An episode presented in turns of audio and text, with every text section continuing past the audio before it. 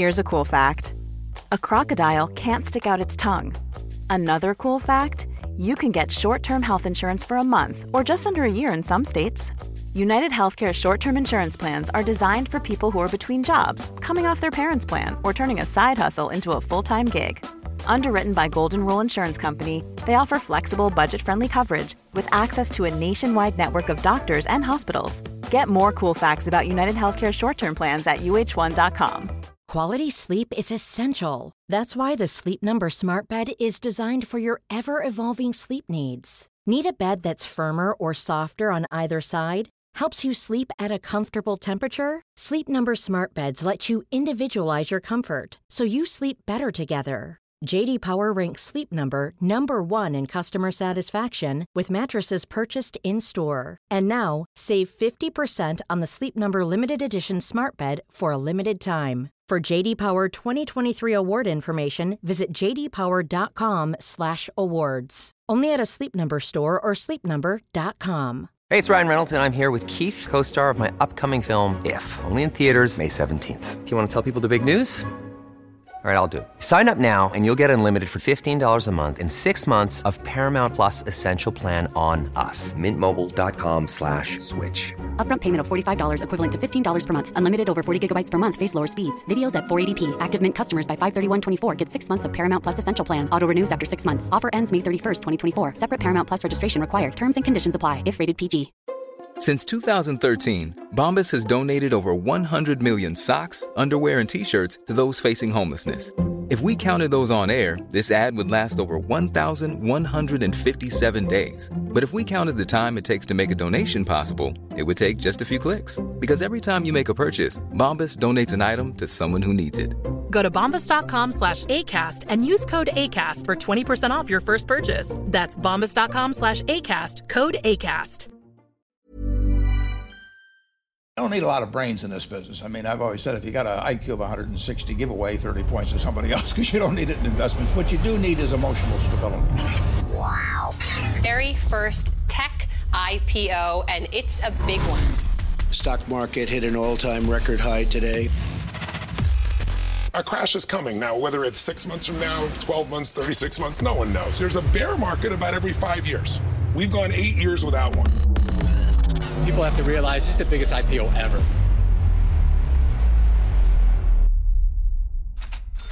Hej och välkommen till ett nytt avsnitt av Market Makers. Vad ska vi prata om idag Fabian? Vi ska prata om en bransch som många undrar över. En bransch som innebär äventyr, det innebär lust och det innebär framtida rikedom kanske, jag vet inte riktigt. Men vi ska nämligen snacka om iGaming. Vad är det, Niklas? Ja, jag har faktiskt inte fattat var ordet iGaming kommer ifrån. Det kommer vi kanske få reda på idag. Men det är i alla fall spel och dobbel som det heter. Gambling, betting, kasino och så vidare. Den här branschen generellt har ju varit totalt utbombad i år faktiskt. Det var ju förra året var det, alla, var det liksom börsens darlings. Sen är plötsligt alla utbombade. De flesta är ner säkert en tredjedel från toppen. Eh, vi helt enkelt, eller framförallt jag då kanske, jag vet inte, du också här, kanske tittar på dem, tycker att det börjat se väldigt billigt ut helt enkelt i den här. Och de, det är inte så att de har tappat tillväxten, utan folk är väldigt oroliga över det svenska spel regleringen och annat.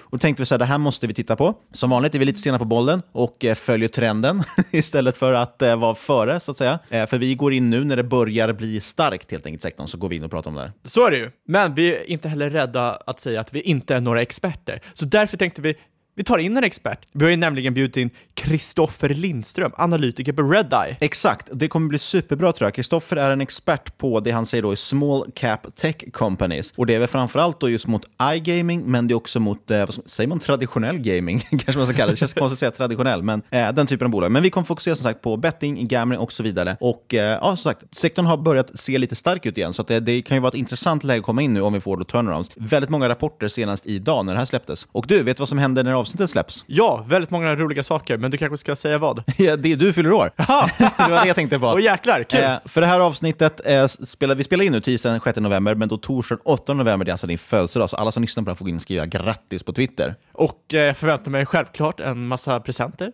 kan ni skicka hem till min adress. Nej, men skämt åsida. Däremot kanske vi ska nämna något annat och det är aktiepubben vi ska ha med Kvalitetsaktiepodden. Ja, 29 november kommer den gå av stapeln tillsammans med proffsen i Kvalitetsaktiepodden. Det kommer bli superkul. Vi kommer även göra ett, ett avsnitt tillsammans med dem. Eh, det kommer bli en rolig kväll, lite intimt. Vi har begränsat antal platser. Tyvärr verkar det som att de redan är, den redan är full. alltså, jag vet inte varför vi går ut med informationen ens, men, Men nu ni har vi kan ju sitta där och hålla koll ifall någon avbokar. Eller om vi öppnar upp för fler platser igen, för det är inte helt eh, fortfarande spikat med arenan. Eventuellt kanske blir större, men det kommer att bli grymt i alla fall. Eh, som sagt, lite mer exklusiv kväll. Vi kommer presentera lite grejer, både Kvalitetsaktiepodden och Market Makers. Men du, ska vi eh, hoppa rakt in i eh, intervjun med Kristoffer? Ja, det blir grymt. Tjing!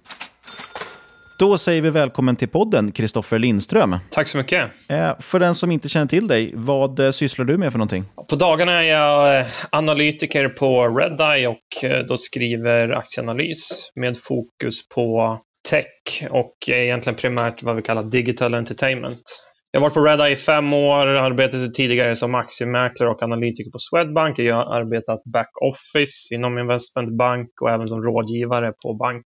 Eh, 30 år idag, men jag arbetade inom finans i ungefär 12 år. Så att, hunnit med en del i alla fall, hittills. Hur ser din investeringsfilosofi ut? Ehm, ja, jag, från början när man, när man började läsa om det här, när man började bli intresserad i 16-årsåldern, så tyckte jag att det, det verkade lite häftigt med teknisk analys och sådana här saker, men det har jag totalt, totalt övergett eh, på sista ja, egentligen 11 åren då, när man var aktiv 12 år. Ehm, så att eh, jag har väldigt eh, stort fokus på att förstå bolagen väldigt djupt.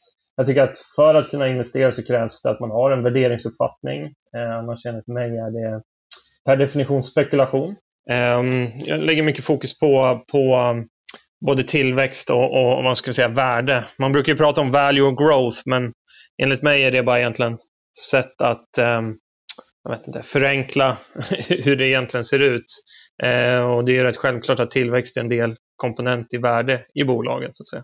Eh, men jag lägger mycket fokus på även så här mjuka faktorer som ledningen och personerna i, i ledande eh, befattningshavare, hur mycket aktier äger, vd och styrelse och sånt där. Eh, Jag tycker att, att det är en väldigt viktig komponent för att hitta bra, bra investeringar.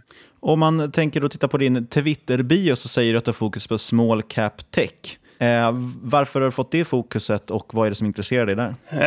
Eh, det, det har väl utvecklats. Jag, tycker alltid att man ska, man ska få fokusera inom det område man har en Eh, kompetens helt enkelt. Och eh, eh, när man investerar så handlar det mycket om att förstå mer än vad marknaden generellt gör om, om bolagen och branschen.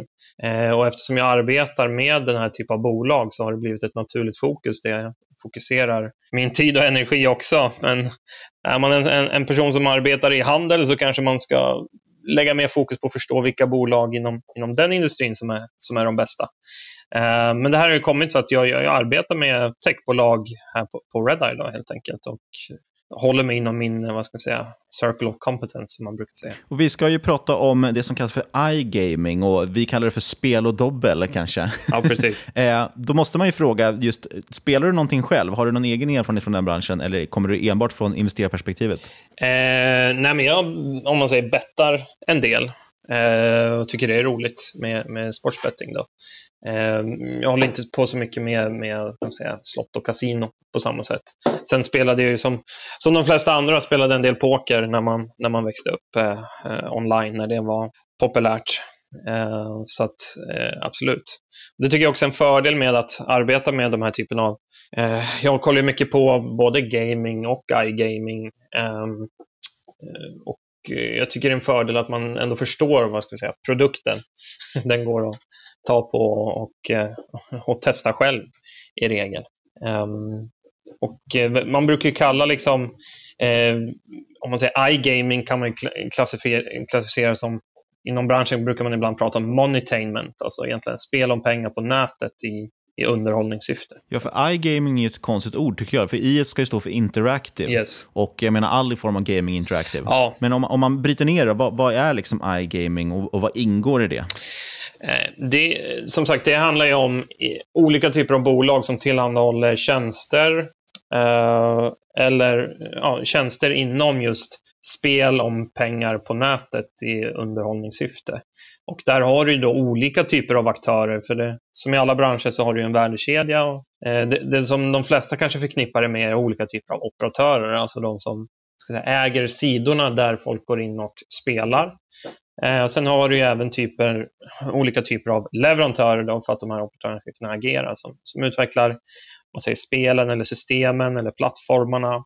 Sen har du även affiliates som handlar om, vad ska vi säga, om att attrahera kunder till sidor och sen slussa den trafiken till, till operatörer.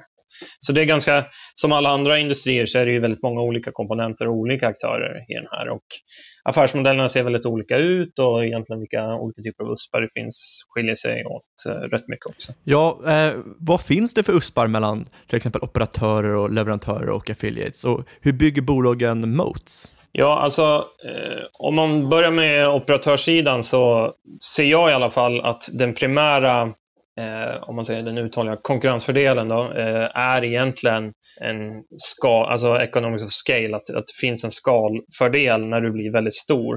Eh, för de här operatörerna handlar det väldigt mycket om att just eh, alltså kundanskaffning genom eh, marknadsföring. Och Eh, Eh, det finns någon slags mättnadsgrad på marknaden hur mycket de kan spendera på marknadsföring och när du blir stor så kan du bära den typ av investering som krävs för att säga, få kunder.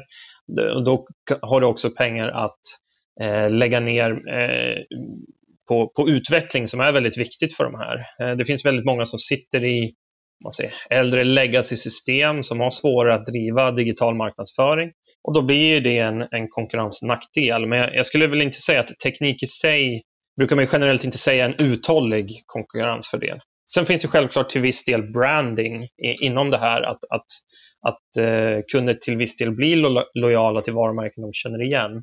Eh, men det, det, är ju ändå en relativt hög kundkörn eh, inom den här branschen då, på, på operatörssidan. För leverantörer och affiliates, då är det andra typer av eh, konkurrensfördelar där du har om man säger, leverantörer som gör olika typer av produkter som videoslots eller liknande så skapas det vissa typer av inlåsningseffekter mot, mot operatörerna. Att blir du nog stor så måste operatören ha dig i, i, sitt erbjudande för det är det som efterfrågas av kunder. Så du har liksom en branding-effekt där också.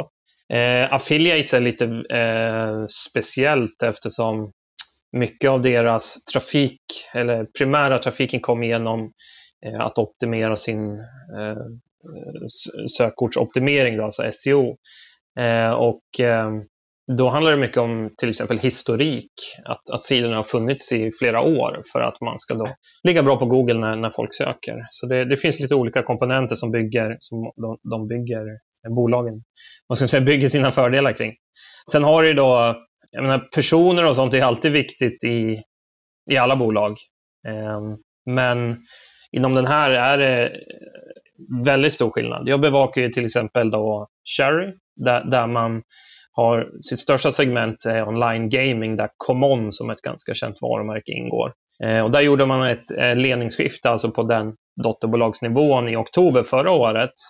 Och då kan man se liksom att man lyfte sin ebit under Q3 som presenterades förra veckan till 193 miljoner från 39 i samma period förra året. Och det är utan förvärv eller liknande. Så det är en rätt stor, det är en rätt stor skillnad och egentligen har det bara uppnåtts genom ja, väldigt hårt arbete av hela organisationen, ny strategi, fokus på kostnader och effektivitet. Så det gör väldigt stor skillnad att ha man säger, ha nyckelposition eller nyckelpersoner på, på rätt platser i den här branschen. Är det några som sticker ut där tycker du som har extra bra ledning eller några, några som du gillar? Eh, ja, jag, jag bevakar ju som sagt de, de bolag som vi har här på Red är under bevakning där, där jag är involverad. Det är ju då eh, Cherry, Mr Green, eh, Global Gaming, Nordic Leisure och uh, Spy Global.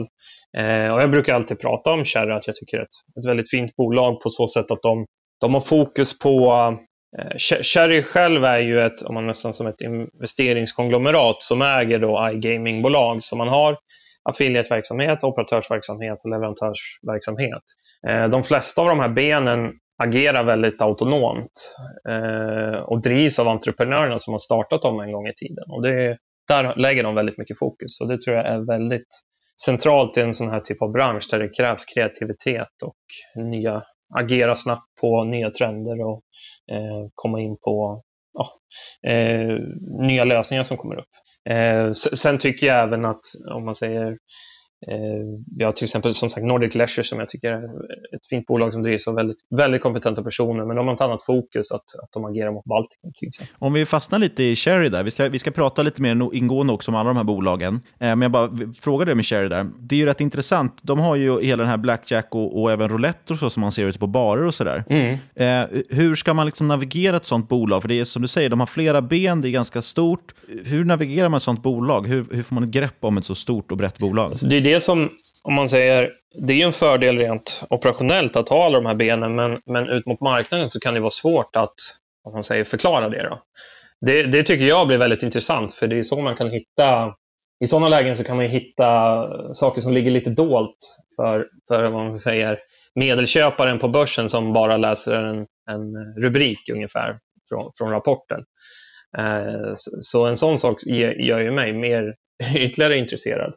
Ehm, men det finns det, det är ett visst, eh, om man säger, svårighet att beskriva om man säger, caset ut mot marknaden när du har egentligen då fem ben som agerar, eh, som drivs på olika sätt och olika tillväxttakter och olika lönsamheter också. Så att det, det är eh, självklart en, en, en, svårighet från den vinkeln, men rent operationellt så är det en stor fördel att, att vara så bred och sprida risker och ta olika delar i värdekedjan.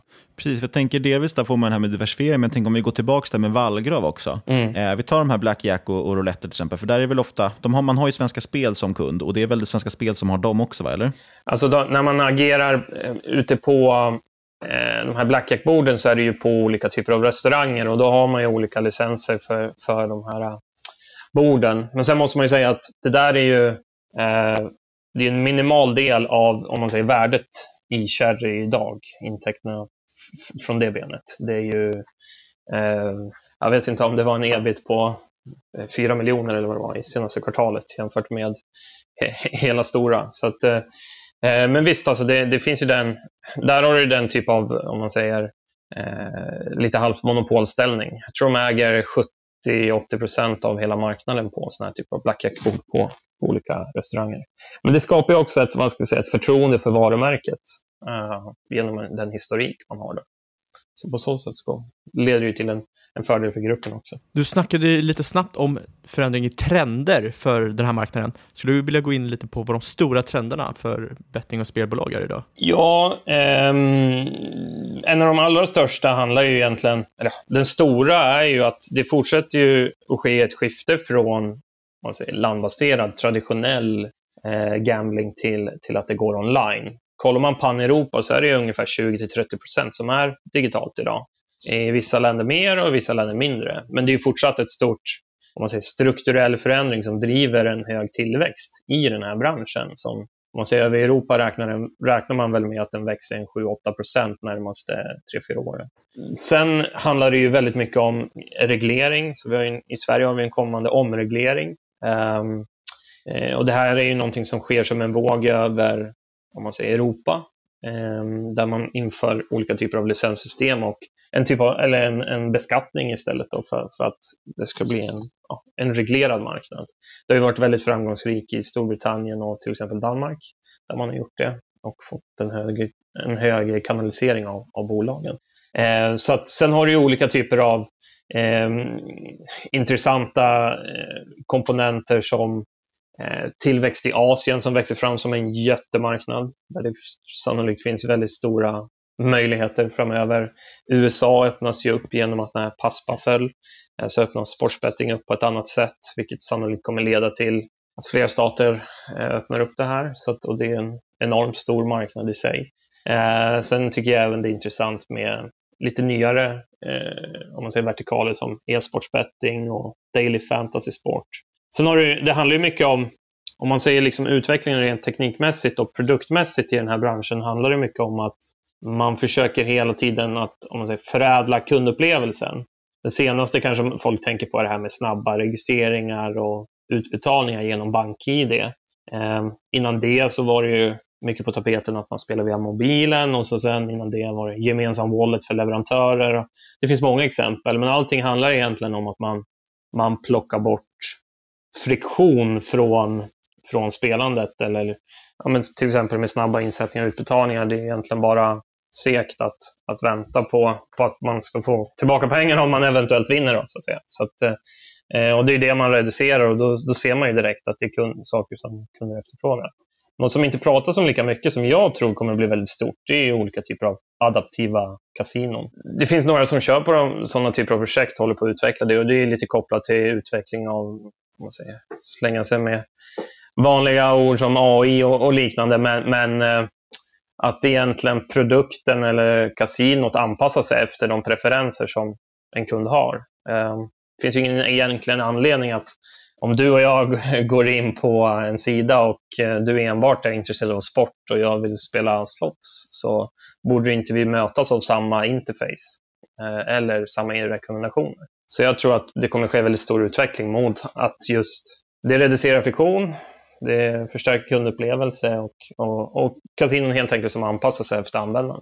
Kan du nämna några som eh, ligger långt fram där? Ja, eh, jag vet att Mr Green till exempel har en utveckling på den sidan. Eh, alla stora pratar ju väldigt mycket om eh, den typ av utveckling. Sen har jag träffat ett intressant norskt bolag som heter River Eye Gaming eh, som ska, försöker vara med i hela ledet. De pratar inte direkt om adaptiva kasinon, men de pratar om att förhöja kundupplevelse genom att förstå kunden mycket bättre. Så det, det, är intressanta saker att hålla koll på, tycker jag. Sen har du, om man säger på trender, så har du ju fortsatt konsolidering som en, sannolikt kommer fortsätta. Eh, det är ju mer en, på en industribasis än produktbasis. Nu blir det rätt många mm. uppföljningsfrågor på det här, men hur tror du marknaden Eh, kommer se ut efter regleringen i Sverige och vilka bolag tror du har högst respektive lägst exponering? Eh, Ja, alltså det, det som händer när, när, man inför en reglering är ju helt enkelt att det blir ett licenssystem och sen då att, att eh, operatörer då får en beskattning på, eh, på GGR, alltså Gross Game. Eh, och eh, det skapar ju då större hinder för nya aktörer. För dels måste du söka en licens. De här li licensdokumenten som de skickar in, de längsta jag har hört på var 10 eller 11 000 sidor. Så det är rätt eh, rejäla eh, dokumentationer som behövs eh, för, för, att kunna om man säger, få licenserna. Eh, sen en stor grej med den svenska regleringen är att det blir en typ av eh, eh, bonusrestriktion, att du inte får ge bonus fler än en gång till, till spelare. Eh, och Det tror jag i sig leder till att det blir väldigt svårt för nya aktörer att om man säger, växa snabbt när de, när de är små. Förlåt att jag avbryter, men bara så jag förstår det du menar. Det är att för i dagsläget, väl, om jag går då till bolag 1, då får jag en bonus när jag blir medlem. Mm. Sen kan jag hoppa över till ett annat bolag för att få en till bonus. Men här skulle man då reglera på nationell nivå att man får bara bonus från det första företaget egentligen. Nej, det, det, det som gäller är egentligen att du får enbart en bonus per kund per licens. kan man säga. Okay. Och eh, så att det där kommer ju fortsätta agera, men eh, det finns ju många bolag som agerar att försöka återuppliva kunder, till exempel, som har spelat förut, som de har i sin databas och så skickar de ut ett erbjudande där hej, sätt in extra och få bonus och sådana saker. Och det kommer inte gå på samma sätt. Så att, eh, det gör ju också att för det är en del som en del om man säger, mindre bolag gör för att växa väldigt fort, det är att ha väldigt stora bonuskostnader. Att, att hela tiden köra på det. Och den är onormalt hög i Sverige om du jämför med andra regioner. Ehm, så det där kommer att ske en, en rätt stor förändring. Sen till, medför ju också regleringen att det blir andra typer av compliance-krav. Kunddata ska lagras och skickas eh, och alla sådana här saker. Och allt det här tror jag leder till att eh, generellt så gynnar det större och etablerade aktörer. Vilket fort, eh, man ska säga, stärker min tes om att man kommer få se en fortsatt konsolidering och, och uppköp i branschen. Då. Eh, om man pratar om vilka som har mest koncentration, de flesta bolagen som är publika i Sverige, de har inte... Man tror att allting står, och Sverige, eh, vad ska säga, står och eh, faller med Sverige, men de flesta kanske har 10-40% av intäkterna relaterade till Sverige.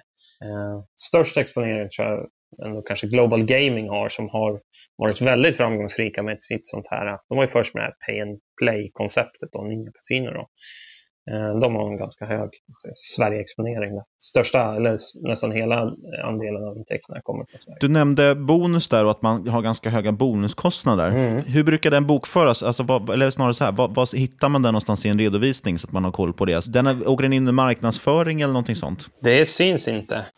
ja, men det är så att, och det är det här inte folk riktigt förstår eftersom det är en annan typ av redovisning. Um, om man säger, det finns något man brukar kalla GGR eh, och det är egentligen då bet, eh, egentligen då, ja, spelarförluster. Eh, bet minus wins kan man säga. Och det är där taxeringen kommer in. Så där har du då GGR och därefter så drar du av bonusrelaterade kostnader och kommer ner till NGR. Och NGR och om man säger intäkter är ungefär densamma. Så de flesta ser aldrig eller vet inte de här GGR-siffrorna. Och det som kommer hända är att bonuskostnaderna i Sverige kommer relativt sett minska eftersom man kan inte använda bonus på samma sätt. Vilket då leder till att samma typ av spelarvolymer kommer leda till högre intäkter då, generellt. Och det där tror inte jag folk har riktigt förstått dynamiken i. Att det, att det är det som kommer hända mer. Vi hoppar tillbaks till, Mm. jag tänkte på det här med vallgravar och det är lite kopplat till det här med bonusar också.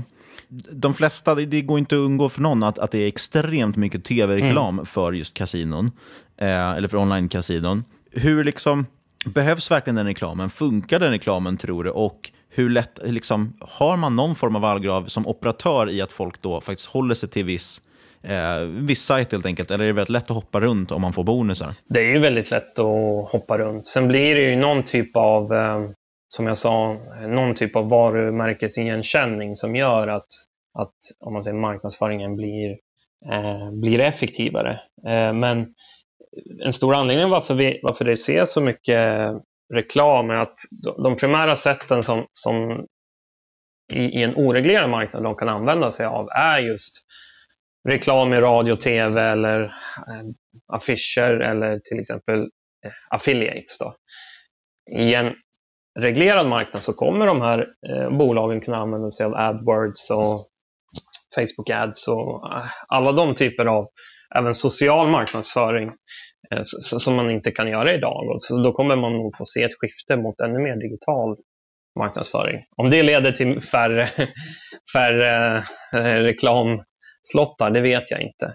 Men allt det här är kopplat egentligen till att den stora fördelen de kan uppnå är skaleffekter. Där de, Eh, om man säger att man behöver lägga, jag vet inte, om man lägger 100 miljoner på, på marknadsföring på olika ställen, så finns det någon typ av mättnadsgrad på hur mycket reklamspots det kan komma in och, och, och liknande för att det ska kunna ge någon effekt. Och därför är om du är dubbelt så stor så blir det en relativt sett en lägre investering för dig. Då. Så att det är därför ja, folk satsar väldigt mycket. För att det är det också man inte riktigt förstår, många förstår här är ju att um, de här bolagen har väldigt låg capex. De behöver inte investera på samma sätt i några fasta tillgångar eller liknande. Men det de behöver investera i det är ju kundanskaffning. Eh, så att marknadsföringen är ju ett, ett val och en typ av investering som också leder till att man kan nästan välja hur hög lönsamhet man ska ha, men det ger ju också en effekt då på tillväxttalen. Då. Det är väl därför vi får så bra bruttomarginaler i de här bolagen också antar jag. För att tänker, omsättningen blir ju väldigt, väldigt hög. Det är få kostnader som kommer in Exakt, så att eh, du, du, du har ju mest då... nu- kommer det adderas en del när det blir mer och mer reglerat för att eh, cost of sales ökar ju upp då genom att du får en taxering då på... Taxeringen sker ju inte på, om man säger, vinsterna i, i bolaget utan gaming taxes kommer in på under cost of sales för de här bolagen. Eh, sen har du olika typer av om man säger, självklart leverantörskostnader till eh, le, ja, som leverantör plattform fees och en del klassar även in kostnader för affiliates under, under cost of sales. Men generellt så är det ju väldigt höga bruttomarginaler. Men då har du ju istället en större kostnad som sagt på, på eh, marknadsföring. Men det här är ju så här lite dynamik. Eh, vissa bolag har ju fått känna på det att när de har gasat väldigt mycket så har istället kursen straffats för då tycker folk att man inte har sett lönsamhet. Men lönsamheten är i mångt och mycket ett val av hur snabbt man vill växa för de här aktörerna. Det måste man egentligen ta hänsyn till när man kollar på dem. och värdera dem då självklart. Du nämnde ju lite snabbt att marknaden i USA håller på att öppnas upp. Mm. Hur ser den marknaden ut? Vad är potentialen där och eh, ja, vilka bolag har bäst exponering? Det här handlar ju om att, att om man säger, det är först sportsbetting egentligen som öppnas upp. Det finns ju online-casino i väldigt begränsad grad, men eh, och det är ju jag skulle tro att det är, jag, jag, har inte, det är svårt att veta exakta siffror eftersom det är idag liksom en, en marknad som inte är reglerad på samma sätt och man vet inte riktigt. Men det är ju en marknad som sannolikt är nästan dubbelt så stor som hela den europeiska. Ehm, och kanske ännu större när folk där har mycket lättare att, att spela och använda mobil och, och sådana saker.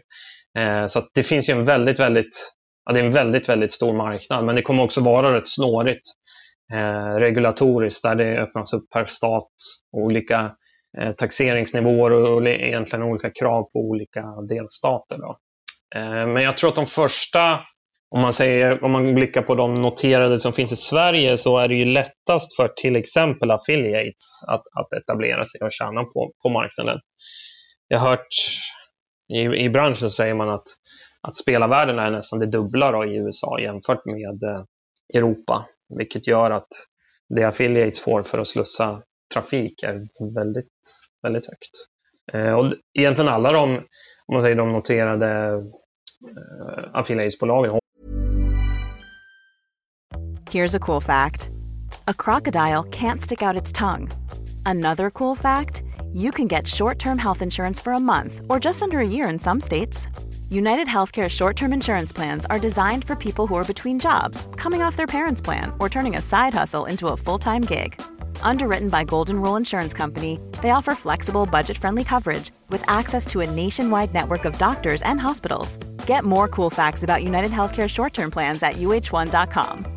I'm Sandra, and I'm just the professional your small business was looking for. But you didn't hire me because you didn't use LinkedIn jobs. LinkedIn has professionals you can't find anywhere else, including those who aren't actively looking for a new job but might be open to the perfect role, like me.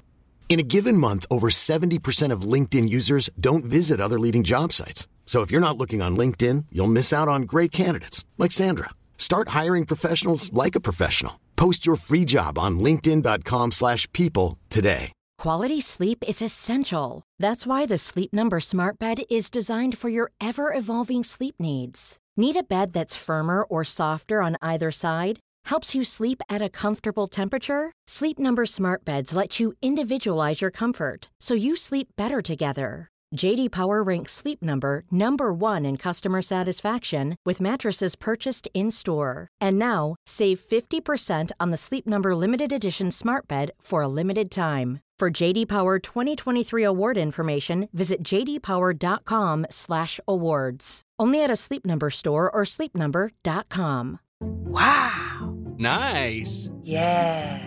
What you're hearing are the sounds of people everywhere putting on Bombas socks, underwear, and t-shirts made from absurdly soft materials that feel like plush clouds.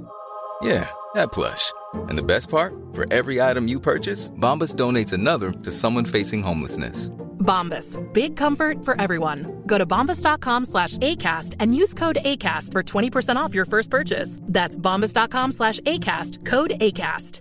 Many of us have those stubborn pounds that seem impossible to lose, no matter how good we eat or how hard we work out. My solution is PlushCare. PlushCare is a leading telehealth provider with doctors who are there for you day and night to partner with you in your weight loss journey. They can prescribe FDA-approved weight loss medications like Wagovi and Zepbound for those who qualify.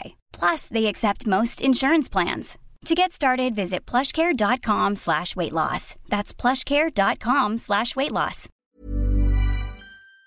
håller på att försöka etablera sig eh, mot USA, för alla ser ju självklart den, den stora potential som finns där. Så USA-marknaden, väldigt hög potential. Hur ser du på Asien-marknaden? Den är ju lite svårare om man säger regulatoriskt och vissa länder är det om man säger, direkt svart och andra är grått och, och, och sånt där. Eh, det är ju dock en väldigt, väldigt, väldigt stor marknad där asiater generellt spelar väldigt mycket. Jag tror att det där är ungefär som de flesta som ger sig in i asiatiska marknader, att, att ska, ska om man säger de svenska eller nordiska spelbolagen kunna tjäna där så måste man nog göra olika typer av partnerskap med lokala aktörer. Det, det, är inte så många av de nordiska som har någon typ av inriktning mot, mot Asien så på stort sätt. Men, men jag tror att framöver så kommer det se, finnas väldigt mycket möjligheter där ute. Vi pratade lite om konsolidering och jag tänker framförallt då kanske också just i samband med den svenska spelregleringen. Eh, vi hade ju i veckan var det ju, kom ju William Hill och la bud på Mr Green. Jag, tänker, jag vet att du har skrivit om det tidigare också, men du tror ganska mycket på att det kommer ske en sån typ av konsolidering, att många kanske då så att säga köper sin licens lite grann. Ja, vad, vad, vad ska man kika på om man som småsparare är intresserad av att kanske agera liksom, mot konsolideringen? Tjäna på konsolideringen? Ja. Um, Mr Green var ju ett, om man säger, typexempel på en väldigt bra förvärvsobjekt. eh, där du har ett bolag som har om man säger, vänt skutan senaste egentligen två åren, gjort väldigt stora förändringar, eh, har genomgått och har nu väldigt god tillväxt, har ett, ett erkänt varumärke som fungerar globalt, eh, fungerar även att lansera upp i eh, andra länder eh, och man har generellt bra teknik, satsas väldigt mycket på det.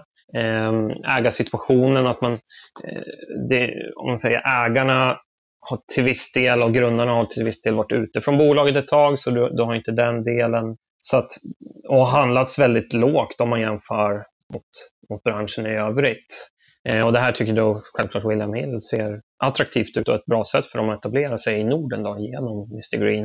Och jag tror att, att, att man kommer få se liknande saker eh, framöver. Egentligen tror jag att de flesta av de nordiska, om man, om man egentligen räknar bort de två största, Kindred och Betsson, så tror jag att de flesta av de nordiska noterade, primärt kanske operatörerna, kan vara intressant för om man säger, brittiska storspelare att, att förvärva och komma in på. Eh, men generellt så ser man väl, det är väl som vanligt att, att en förvärvare helst ser låga multiplar och, och, och liknande. Då. Jag, det, jag tycker inte det är så lönt att spekulera om enskilda aktier för att ibland så får det effekter på, på kurser och sånt i onödan tycker jag. Eh, eh, men eh, ja, alla de vi bevakar tycker jag generellt skulle kunna vara attraktivt. Oftast är det de som har rätt mycket i Norden som, som de här operatörerna skulle kunna leta efter. Och jag tror det finns fler. Eh, sist jag såg var det 49 stycken som hade ansökt om licens för och då saknas det väl några de större operatörerna. Då. Bland annat William Hill gjorde det eh, från, från Storbritannien. Och just med den här bonusrestriktionen som införs så tror jag det är väldigt svårt att eh, smacka upp ett nytt varumärke och få väldigt stora volymer långsiktigt. Utan då väljer man nog att använda M&A som, som det primära. Så det man kan ta med sig egentligen från spelregleringen är väl framförallt just att egentligen stärker den kanske positionen. Eller jag ska inte säga stärker, men den, den, den gör att de behåller sin position lättare antagligen. Men ligger det någonting i det att det kan finnas spekulation just i att folk vill då i princip köpa sin licens? Eller är det inte riktigt så enkelt? Jag skulle inte tro att det handlar om att köpa sin licens, för en licens kan ju alla bolagen kan ansöka om en licens och de har den kompetens för de har gjort det i många olika länder. Så det, det är nog inte det, utan det handlar mer om att alla förstår att kunna bära extra kostnaden som det medför med en reglering så behöver du vara stor. Du behöver kunna hålla, eh, om jag säga, få skala på andra typer av kostnader eh, och på marknadsföringen. Och jag tror alla inser att, att det finns då, att vara liksom en tier 3 kommer vara väldigt svårt. Kanske mindre tier 2 också. Eh, och därför tror jag att, att det här leder till fortsatt ihopslagning och konsolidering. Då. Alla inser att det är det man, man behöver helt enkelt vara stor. För den primära egentligen skalfördelningen för en operatör är just, ja, eller skalfördel. Primära fördelen är skalfördelar. Och det är det som kommer leda till att det fortsätter. Om man är intresserad av att investera i iGamingbolag, vad är det viktigaste man ska kolla på? Finns det några favoritnyckeltal eller kanske viktiga bokföringsposter som kanske skiljer sig lite från andra sektorer? Ja, en, en viktig komponent är att förstå det här kring marknadsföringen. Att, att, jag gjorde förut en presentation när jag hade någon dragning att eh, generellt sett en grov uppskattning kan man säga att om du investerar ungefär runt 20 procent av försäljningen eh, så växer du med marknad. Eh, därutöver eh, är det tillväxtinvestering. Och många bolag lägger ju kanske 40, en del ännu mer procent av försäljningen på. Så då, då satsar man ju på mycket tillväxt. Det här varierar ju självklart beroende på om det är en reglerad marknad och hur konkurrensbilden ser ut. Men det här är en väldigt viktig komponent att förstå vad då måste man då, jag brukar kolla på någonting som jag kallar i alla fall ebitdam, alltså ebitda Eh, och före marknadsföringskostnader för att egentligen kolla kostnadskontrollen på bolaget eh, och se att man har den. Och det, för det leder till att man kan förstå var det här bolaget kan befinna sig i en, kanske tre år ut när tillväxttakten slår av eller fem år ut och vad är det för typ av marginaler man kan uppnå då genom skaleffekter. Sen har du ju väldigt, om man säger de vanliga KPI-erna där man kollar på deposits per kund, eh, kundanskaffningskostnader och, eh, och hold till exempel som är förhållandet mellan eh, alltså deposits och, och eh, försäljningen. Då. För, för man kan se avvikelser i olika typer av marginaler på sportboken eller på kasinomarginaler. Men eh, det, det, det, handlar mycket om, det handlar mycket om att förstå hur, hur eh, marknadsföringseffektiviteten egentligen eh, för det är där du kan hitta vissa bolag är väldigt, väldigt duktiga på hur de marknadsför och, och så får, får, får bra betalt för det, för det man lägger ner på och investera. Ebit-damm var ett nytt uttryck för mig. Det känns som vi kommer längre och längre bort från et hela tiden. Eh, hur intressant är det att kolla på vinster i de här bolagen? Ja, nej, exakt. Nej, men vinster är väl alltid viktigt. Sen är ju eh, kassaflöde är väl det som är eh, man ska hålla mest koll på. Eh, men självklart så, så måste man ju hålla att, att bolagen tjänar pengar. Men det, det jag menar är att ett bolag som visar 50-60% tillväxt så innebär det också att de investerar väldigt mycket i marknadsföring. Och det gör då att under den perioden så är marginalen lägre. Men frågan är vart som kommer om några år när man, om man säger, planar ut i tillväxtkurvan något och då investerar mindre. Vad händer då? Och då gäller det att förstå hur mycket man skalar på övriga kostnader då, än, än marknadsföring. Jag är intresserad också om det finns några andra fallgropar. Jag tänker om vi tar gaming då, som du är duktig på också. Mm. Eh, där är det ju mycket det med att man pratar om aktiveringskostnader för utveckling. Mm. Finns det några sådana grejer man ska tänka på i, i iGaming också, alltså spelbolagen med aktiveringskostnader, avskrivningar, någonting sånt som, som man kanske inte har koll på om man inte har tittat så noggrant på de här bolagen förut? De flesta har inte sån stor aktivering eh, i den här branschen. Eh, så att egentligen så, det, det, är alltid bra att hålla koll på om man hittar sådana typer av, av poster. Ehm, sen kan det också vara bra att förstå att de flesta av de här bolagen är till exempel hur taxeringen fungerar på dem, att de flesta är Malta-baserade och då blir det väldigt låga om man säger, bolagsskatter och sådana saker. Men generellt så är det inte så mycket typ av bokföringstricks som, som man behöver kolla djupt på. Sen eh, är det många som förvärvar mycket och det i sig kan ju leda till olika typer av Ah, jag vet inte, redovisningsprinciper vid förvärv av kunddatabaser och sådana här saker. Så då, då gäller det att, att hålla koll på överavskrivningar eller underavskrivningar eller, eller, eller sådana bitar. Men då blir det, det, det, är ju mer generellt som, som alla andra branscher att när det sker mycket förvärv och tillgångarna kanske egentligen är immateriella så, så kan det vara svårt att bedöma med goodwill och, och liknande. Ska vi hoppa in lite på några bolag? Jag vet, du kan inte prata egentligen för mycket om bolag utanför de du följer. Mm. Eh, men jag tänker att vi kan i alla fall gå igenom de fem bolag som du eh, följer då, som analytiker. Mm. Och åtminstone ge någon form lite introduktion då för någon som är, är ny till de här bolagen kanske. Eh, som sagt, jag bevakar ju då Eh, som första analytiker bevakar jag Mr Green och Cherry och som andra analytiker Global Gaming, Nordic Leisure och Aspire Global. Vi, vi på Redeye vi kör alltid två stycken analytiker och egentligen agerar i team så att vi gör samma sak inom gaming och, och iGaming. Då. Men Mr Green är ju på tapeten självklart för att han fick ett bud på sig. Eh, jag, jag skickade ju faktiskt ut en, en uppdatering eh, en timme innan budet offentliggjordes där jag hade höjt min min värdering på bolaget. Eh, Höjde du den med 40-50 procent också? Ja, exakt. Nej, jag låg ju... Ehm, jag låg ju min... Vi, vi, det här är också viktigt att förstå att vi, vi pratar inte riktkurser på, på Redeye och vi tänker mer i scenarion. Uh, för att vi anser inte att... Jag tycker att riktkurser i sig är ju liksom ett, uh, egentligen bara ett ont för en investerare eftersom man kan aldrig säga exakt ett värde på ett bolag. Det är, dels är det flytande och det handlar ju mer om en, eh, ett spann av värden som man tycker är eh, motiverat. Eh, men i alla fall min basvärdering höjde jag från var det 73 till 77 och budet kom väl på 68. Så det tycker jag ändå är inom det, om man säger det spannet. Då. Och jag har länge lyft fram att det är en väldigt typisk ja, uppköpskandidat, Mr Green. Så vi, vi får väl se om det om det går igenom. Då, förlorar vi en kund här på Red Eye, ett bolag jag bevakar. Så då får man fylla upp med annat istället. Då. Ja, vilket vill du följa då istället? Ja, vi får se. eh, vi, har, vi, har ganska mycket, vi har ganska mycket på gång eh, inom det här spacet och även inom gaming. Vi, vi agerar ju även eh, på korpsidan och hjälper till med eh, ja, IPOs och eh, olika typer av Eh, vad ska vi säga, kapitalanskaffningar. Så, så det, är rätt mycket, det är rätt mycket att göra ändå. Uh, helt enkelt. Om vi hoppar vidare, för jag tänker Mr Green då, de eventuellt är ju ute ur leken så att säga. Ja. Eh, om den köps upp. Om inte annat så kan man då kanske tycka att det är dyrt att köpa det på den här kursen. Mm. Eh, Cherry då, det har vi pratat om lite grann. Kan du ge en kort presentation av det bolaget, hur det ser ut? Absolut. Eh, Cherry är ju ett, som jag sa, ett typ av eh, konglomerat av, av, olika typer av eh, dotterbolag som man egentligen sorterar in i olika segment. Eh, så man är liksom en ägare av de här. Man investerar, äger dem och har i alla fall en historik av att eh, dela, även dela ut eh, när man tycker att, att, att bolaget mer gynnas av att agera själv. Man har en väldigt lång historik där egentligen både Cherry, eller ja, Betsson och NetEnt kommer ju från om man säger Cherry-familjen från början. Då. Ehm, så att, så att man har ju den, den typ av historik. Och eh, om man ser Cherrys tre primära ben är ju då en operatörsverksamhet som heter online gaming.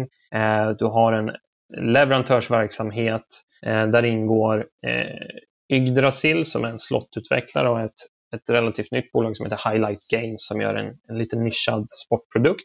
Eh, sen har ju du då som de kallar online marketing med eh, eh, Game Launch som är en affiliate som ja, jämförbar mot Better Collective eller Catena Media eller, eh, eller, liknande. Sen har man även en plattform som är lite i uppstart och sen har man den här restaurangverksamheten då, som man säger är andel av intäkter och, och, och, och ebit är väldigt liten. Då.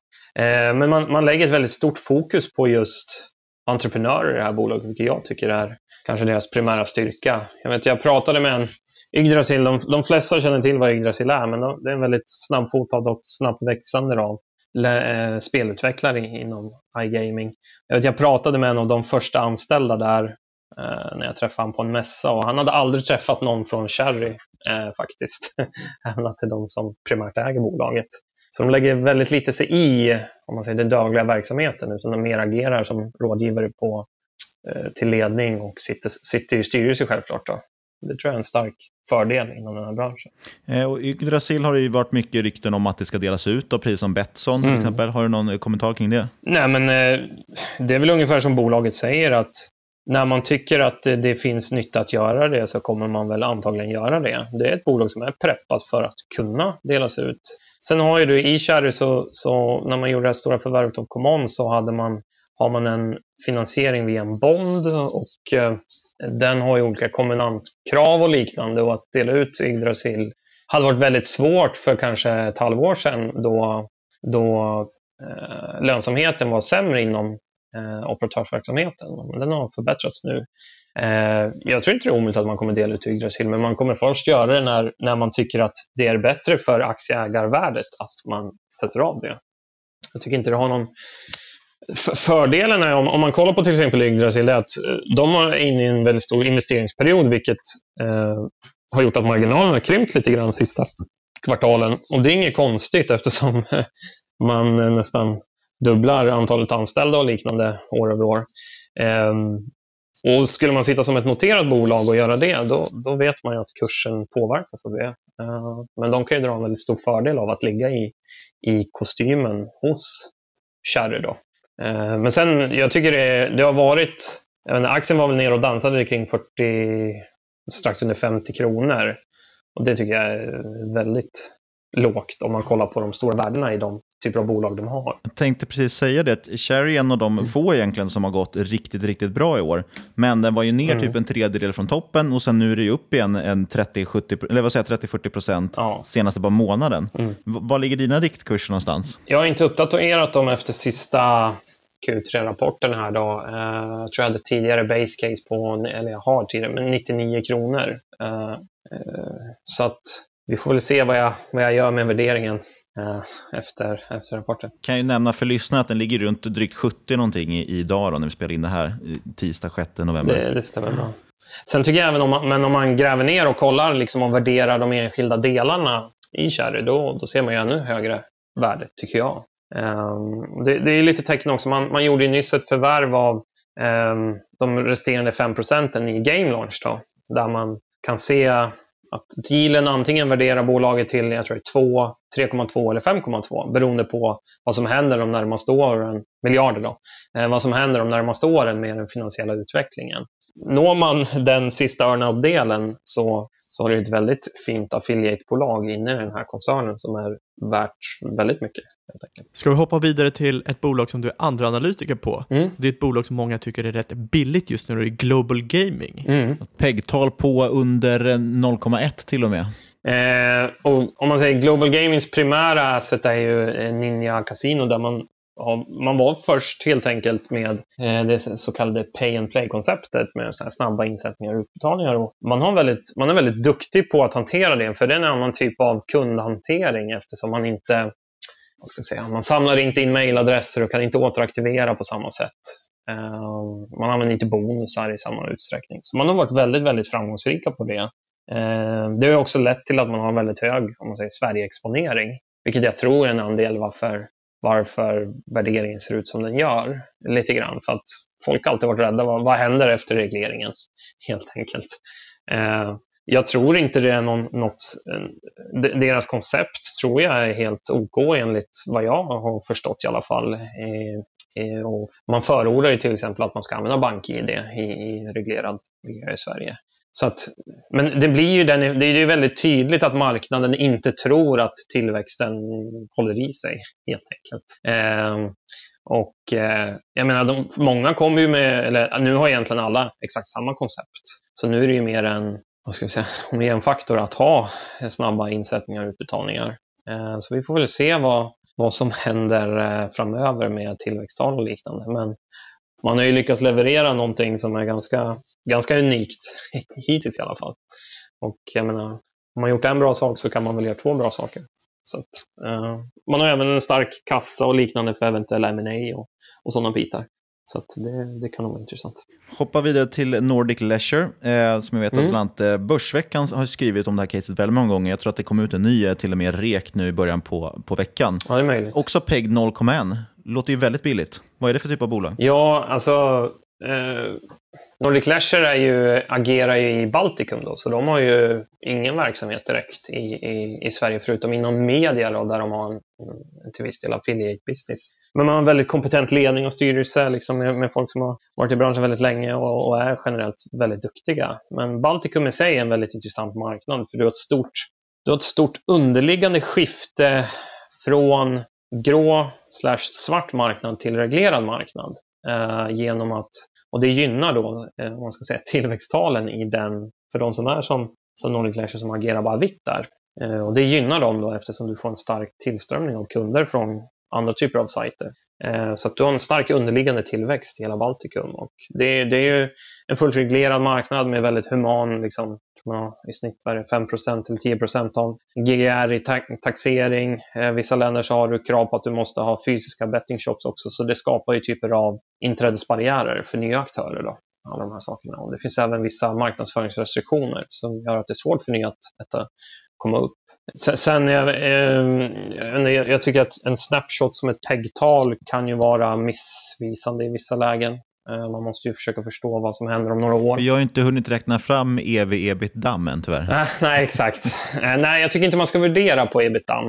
Äh, men jag tycker det är värt att, om man säger, kolla på som säger, skal. Det, är lite grann, det blir någon typ av som att folk kollar på gross profit och jämför. Lite, lite så. Eh, men jag tycker inte man ska värdera på det. Jag, jag använder primärt ebit eller då ebita om det skulle vara att bolaget har mycket överavskrivningar på grund av förvärv och liknande. Eh, så det, eh, det, det är det jag fokuserar i alla fall på. Men Nordic Leisure är ett jätteintressant bolag som agerar på en intressant marknad med väldigt kompetent eh, ledning och stark med Robert Nytt till, som, som vd där. Då. Så det är ett väldigt intressant bolag även där har de väldigt god ma kapacitet Ja, jag tänker aktien Nordic Leisure, den har fallit, eh, jag tror att det är mellan 20 och 30 procent någonting, har väl också studsat nu senaste veckan här. Mm. Eh, hur ser dina riktkurser ut jämfört med kursen på runt 20 kronor idag? Eh, Ja, alltså vi ser ju fortsatt liksom väldigt eh, god eh, uppsida i aktien.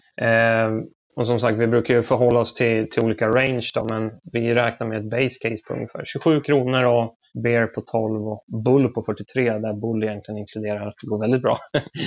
eh, men vi tycker att det, det, det är ett attraktivt bolag som agerar på en bra marknad med med stark management. Vi lägger väldigt mycket, när, när, när i alla fall jag kollar på bolag så lägger jag väldigt mycket fokus på vad det är för typ av management och vad de har för incentive och vad de har gjort förut och hela den här biten. Jag tycker det är ett väldigt viktigt komponent när det gäller mindre tillväxtbolag. Så att säga. Sist men inte minst så kanske vi ska hoppa in på Aspire Global Mm. som till skillnad mot Nordic Leisure och Global Gaming har negativ vinsttillväxt. Mm. Skulle du kunna berätta lite om det bolaget? Ja, alltså Aspire är ju en, de seglar ju lite grann under radarn kan man säga. Det är inte lika känt som andra. Eh, det var inte så länge sedan man gjorde en IPO, men det här är ju då en primärt en, de har operatörsverksamhet men egentligen en privat, primärt en plattformsleverantör. Så de, de levererar den tekniska lösningen som krävs för att sätta upp ett, ett kasino och äger även, äger även spel. Och jag tror det är en av de eh, om säger, plattformar med flest licenser då, eh, i olika reglerade marknader. Eh, och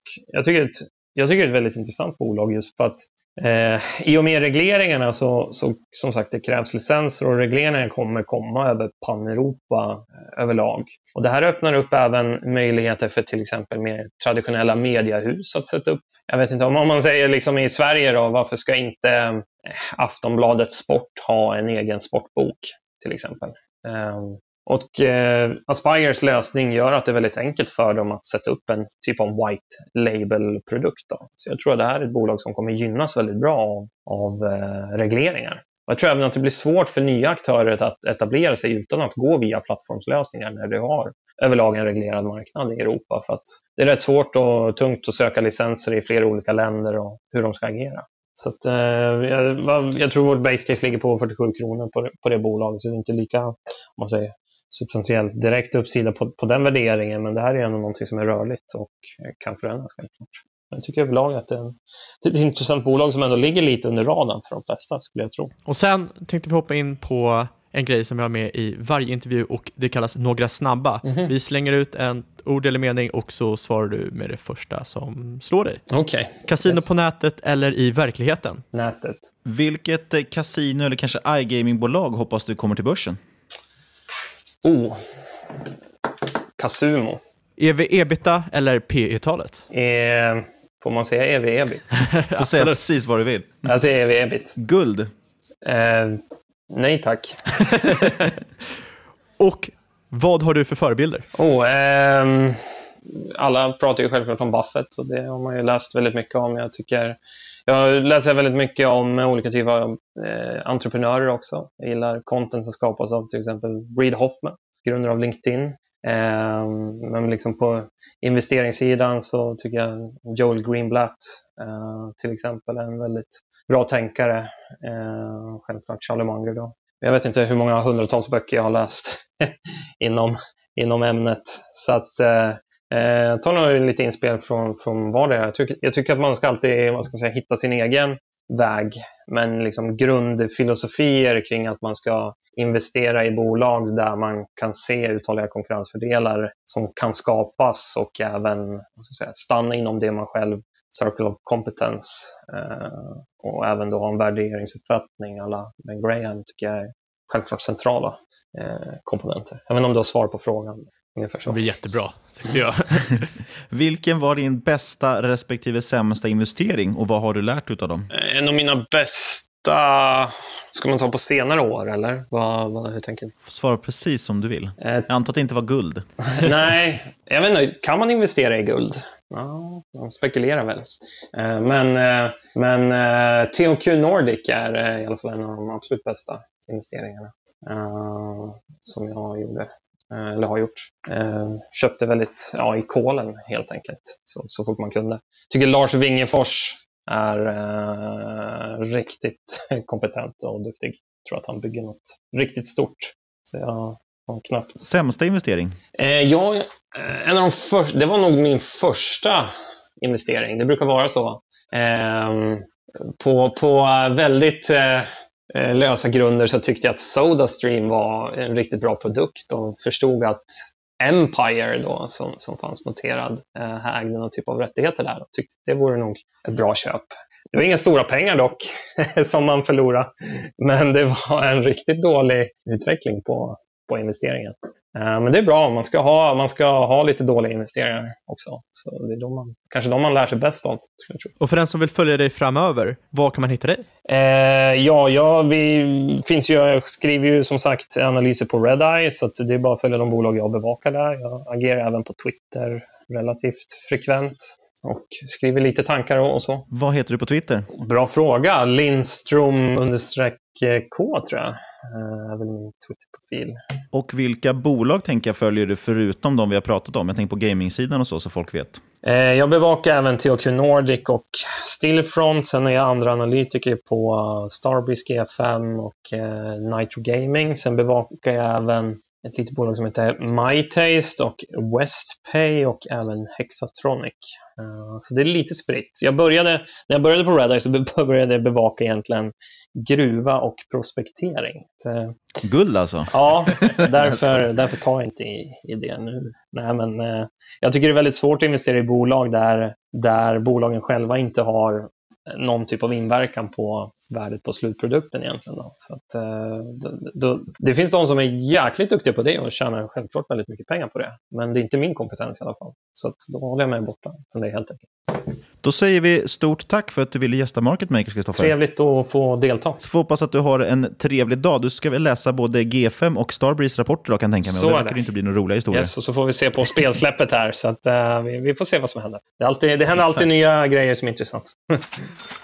det var det avsnittet. Vi säger stort tack till Kristoffer Lindström på Redeye. Tack. Superspännande intervju. Kul bransch att titta på. Som sagt, vi är verkligen inga experter, men det känns som att det kan vara läge att börja bli. Om inte annat så är det en, en höglönsam bransch som är ja, intressant att kolla på. Extremt intressant helt enkelt. Men du, vad ska man tänka på när man lyssnar på den intervjun och nu kanske kliar i köpfingret? Inget du har hört i denna podcast ska ses som rådgivning. Alla åsikter våra egna eller vår gäst och eventuella sponsorer tar inget ansvar för det som sägs i podden. Tänk på att alla investeringar är förknippade med risk och sker under eget ansvar. Men ni får jättegärna kontakta oss på podcast.marketmakers.se eller på Twitter at marketmakerspod. Jajamän, och ni får jättegärna lämna en recension på iTunes. Vi kommer ju också dyka upp på Invest 360, det vi pratat om tidigare, och uh, hålla ett litet snack där klockan 11 på lördag. Nu kommer jag inte ihåg datumet i huvudet, det var ju pinsamt, men det är om två veckor tror jag. 17 tror jag. Ja, det är alltså inte nu helgen. Nu i helgen är det fars dag. Idag firar vi Fabians födelsedag. I helgen firar vi fars dag. Helgen efter det så firar vi Invest 360. Ja, det var ju bra att du sa att det var fars dag, kan jag höra av mig till min eh, kära far. ja, och eh, har man ingen far ska man höra av sig som sagt till podcastetmarketmakers.se. Dark. Sist men absolut inte minst så säger vi stort, stort tack för att ni har lyssnat. Vi hörs om igen om en vecka mina söner. Ha det bra.